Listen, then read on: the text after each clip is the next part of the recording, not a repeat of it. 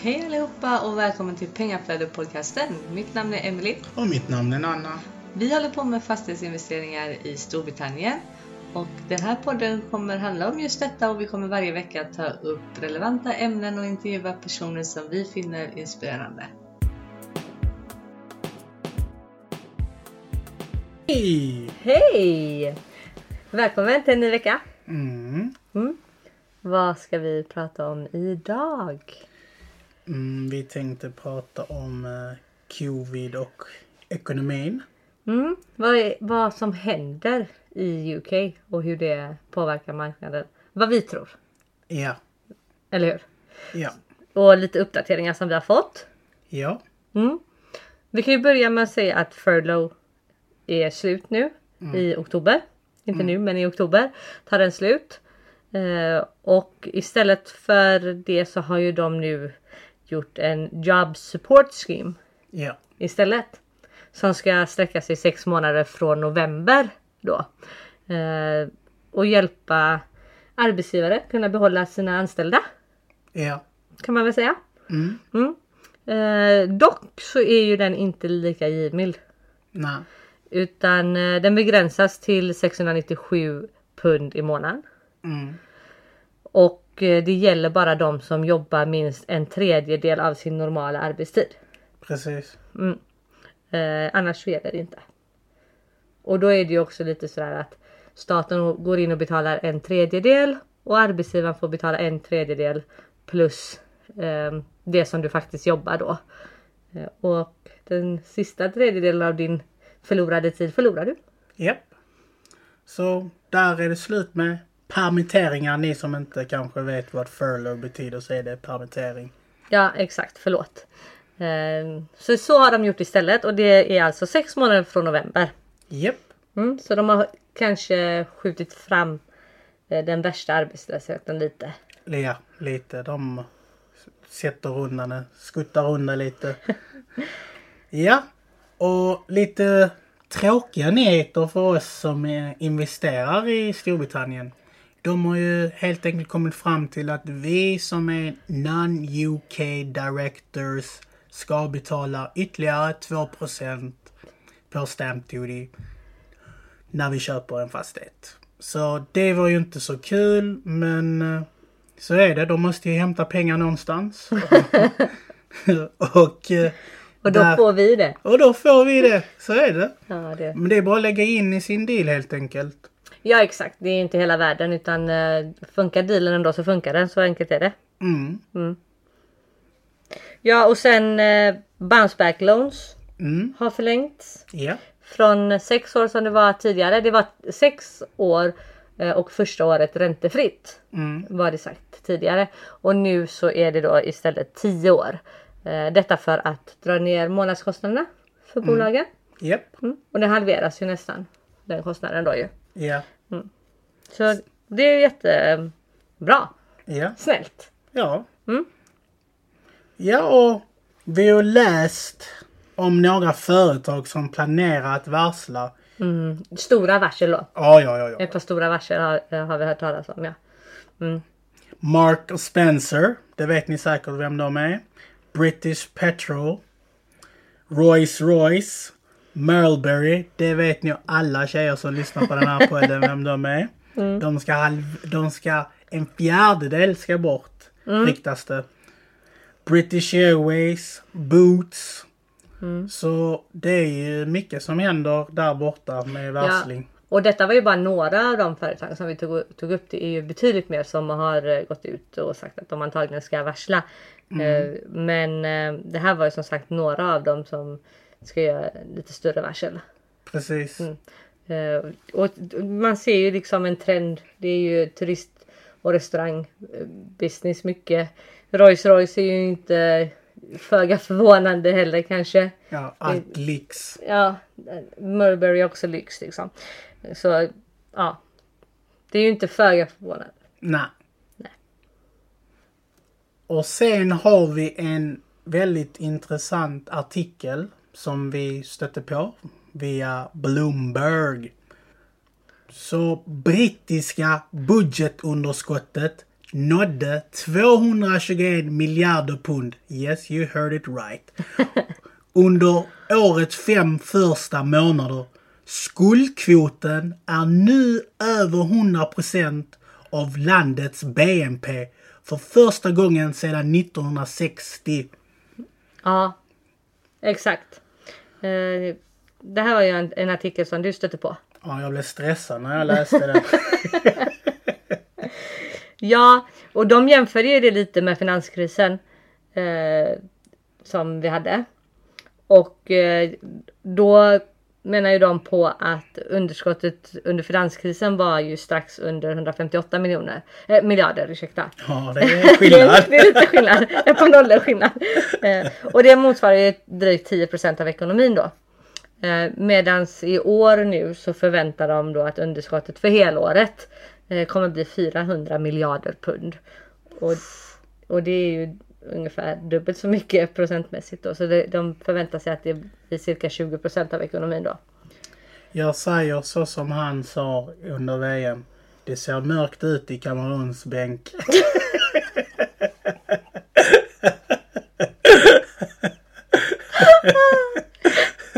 Åh gud, gud vad komiskt. Den, den kommer man nog aldrig glömma. Nej. Ja och sen eh, då om vi ska gå vidare här eh, efter det, det skämtet. Ehm, Så har de ju infört lockdown i vissa områden. Swansea bland annat där vi härjar. Japp. Eh, har gått in i Mm. Ja. lockdown. Ja, nästan hela Wales är i lockdown. Och, Och sen så har de ju restriktioner då i UK igen nu. mm, Eh, och allt detta är ju på grund av en andra våg. mm, Mm. Så det, vi får ju bara vänta och se vad som eh, sker. Men de vill ju helst inte ha någon isolering på landet liksom.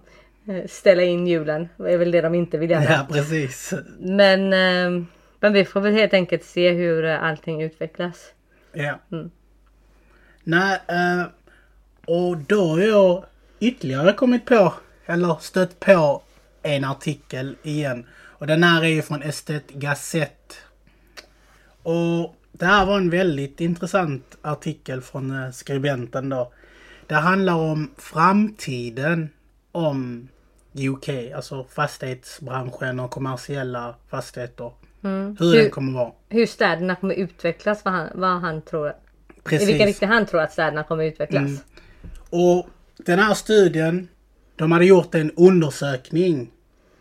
Och de som var mellan 16 till 24, de vill bo kvar på High Street, storstäder. De vill inte flytta ut till de här suburbs. Mm. Medans de som har flyttat nu, eller kan tänka sig flytta, är till mindre städer, grannkommunerna i så fall. Och commuta in till storstäderna en till två gånger i veckan.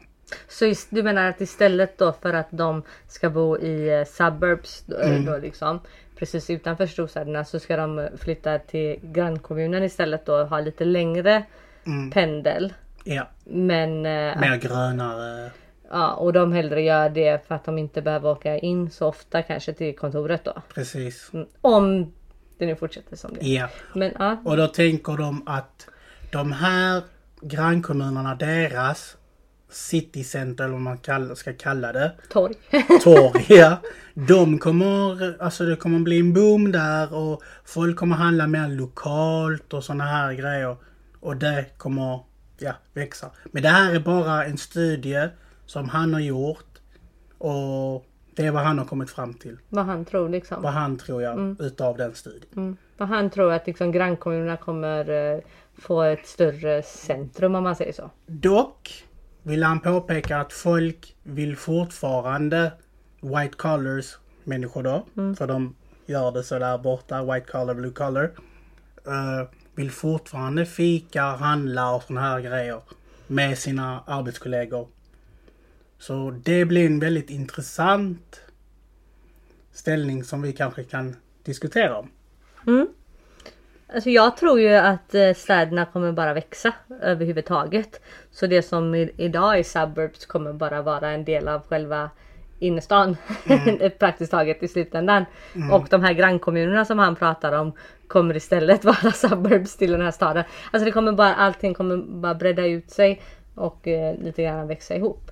Däremot så tror jag ju lite grann så som han säger också att det kommer finnas mindre alltså centrum eller torg som vi kanske säger här hemma då. Där det finns affärer, där det finns fik, där det finns restauranger.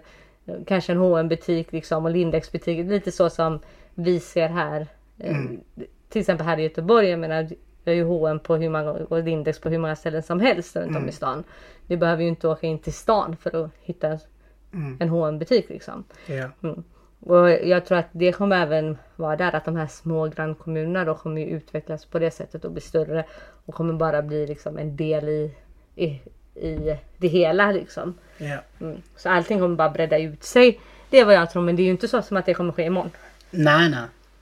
Det, det tror jag inte. Men du har en poäng i det du säger och vad jag tror är att alltså människor saknar den här eh, kamrat... Alltså vi är fortfarande flockdjur. Mm. Ja exakt, där håller jag verkligen med dig om. Jag tror inte att eh, folk kommer ändra sitt sätt att, att leva överhuvudtaget. Mm. Eh, för eh, det kommer ju en, en generation efter oss som Ja. växer upp liksom. Celine fattar ju ingenting av det här. Nej men vi behöver inte kolla så. Jag menar de som är 15 nu till exempel. De, tycker, de påverkas ju inte av covid på samma sätt som vi andra som kanske jobbar och blir, blir hemma från jobbet eller blir varslade eller liksom så här. Mm. Mm. Och de kanske inte går på biodates Mm. i den åldern heller än liksom. Nej. På samma sätt. Eh, Eller gå ut och äta med vänner på det sättet eh, och så. Utan det blir liksom McDonalds. liksom, det, det är väldigt stor skillnad och när de växer upp och, och sen blir det som 10 år när de är 25 och de jobbar och är white collars, kanske nyblivna white collars precis kommit ut från universitetet och sådär. Då, de har ju inte det tankesättet att åh oh, gud covid hände för 10 år sedan. Mm. Mm. Utan de vill ju fortfarande umgås med sina vänner. De vill resa, de vill gå ut och äta, de vill eh, festa. Liksom. De, de vill leva sitt liv. Mm. Eh, och jag, så jag tror att det kommer, människan kommer bara gå tillbaka. Ja, människan är ju dum. Det vet vi. Jag, jag vet inte om det är dumt. Jag tycker det är bra att det går tillbaka till det vanliga faktiskt. Gud vad tråkigt om alla bara ska sitta hemma och inte beblanda sig med folk. Mm. Jättetråkigt. Nej jag hoppas verkligen att det går tillbaka till vanliga så snart som möjligt. Eh, så att vi alla liksom kan umgås och, och ses och ha istället för online nätträffar kan vi ha riktiga nätverksträffar liksom. Ja, och ja. se varandra och Det finns pros and cons med allt det här med online. ja. Det, det jag menar, det, det fick vi ju höra. Vi hade ju online-träff nu i, i veckan ju. Mm. Och då sa de ju det att det som är bra när man gör online är att alla får chans att prata. Medan när du är på ett nätverksträff då kan du kanske träff, äh, fastna med en, två personer. Jo men sen så tycker jag också för vi har ändå varit på ett par online eh, nätträffar nu. Eh, och- jag tyckte att den vi var med nu i, i, i veckan då i våran Facebookgrupp som gänget har dragit ihop då. Den tycker jag liksom gick väldigt bra och smidigt. Medan vi har ju varit i andra där kanske någon håller en Ja. monolog Ja, genom det- hela Ja, det är sant. Det är sant. hela nätverksträffen och då, då liksom stör ju det. Då får man ju inte chans att prata med någon för att en person kanske tar allt istället. liksom. mm. Så det, det finns ju liksom, men jag förstår vad du menar och jag förstår vad de menar att man kanske fastnar på två, tre personer Mm. om man är liksom live med varandra eh, och inte hinner runt bordet eller runt rummet på samma sätt. Mm. Absolut. Så det är pros and cons som du sa ja. Ja och sen så kan vi gå in på priserna. Ja. Herregud. Mm. Ja, De har ju stigit med nästan 15% sedan april. Mm. Galningar. Mm. De köper allt Mm. Alla köper allt det till överpris. Till överpris. Ja. Auktioner, Ja, allting. Och man, de har ju sett eh, en ökning av Hongkongbor Mm. som eh, har flyttat sina pengar. Eller sig själva också för den delen. Mm. Till eh, UK då. Mm. Och det, de har råd Ja, att har ju det. betala lite mer kanske många av dem.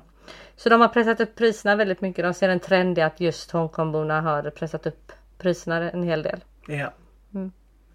Jag hörde en podd där eh, de berättar om hur man ska tänka nu när priserna har gått upp. Och sen så ska man tänka lite att vi kommer hamna antagligen i en finansiell krasch om man går på den här statistiken 20 procent. och så skulle man ta minus det.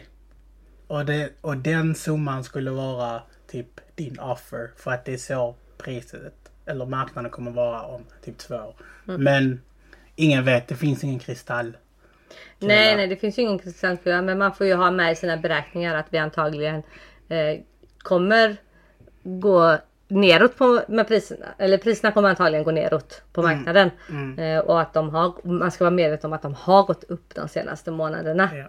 Mm, av olika anledningar. Ja. Men det kommer ju också vända. Ja, och vissa har ju fått, som vi känner ju, har fått överpris på värderingen. Övervärdering eller undervärdering. Mm. Och det är lite som man vet inte, de själva de surveyorsen, de vet inte. Nej men det är ju ingen som vet riktigt än eh, liksom, vad som händer. Men eh, det är oundvikligt lite att förr eller senare så går priserna neråt. Så enkelt är det bara. Ja. Eh, och man får bara liksom ha det med i sina beräkningar. Eh, sen är det en bra deal ändå så är det en bra deal ändå. Mm. Ja, om man spelar det long game så spelar det ingen roll faktiskt. Ja och sen så har ju vi märkt av att efterfrågan på HMOs i London har gått ner. Eh, för det var ju vi lite inne på, eh, eller vi skulle ju göra HMOs i London. Eh, och de har vi nu märkt här med covid att efterfrågan på det har gått ner i London just för att många arbetar hemifrån. Och det verkar då som att de har flyttat hem till sina hemstäder igen. Ja. Mm, och jobbar därifrån för de behöver inte komma in på kontoret. Nej, Nej, och då behöver de inte bo i sitt rum längre. nej. Så det har lett till att det är väldigt många rum som står tomma. Eh, då. Eh, Så vi har väl lite andra planer kanske. Men det tar vi nästa vecka. Japp. Tycker jag. För då ska vi ju gå igenom lite mer om det.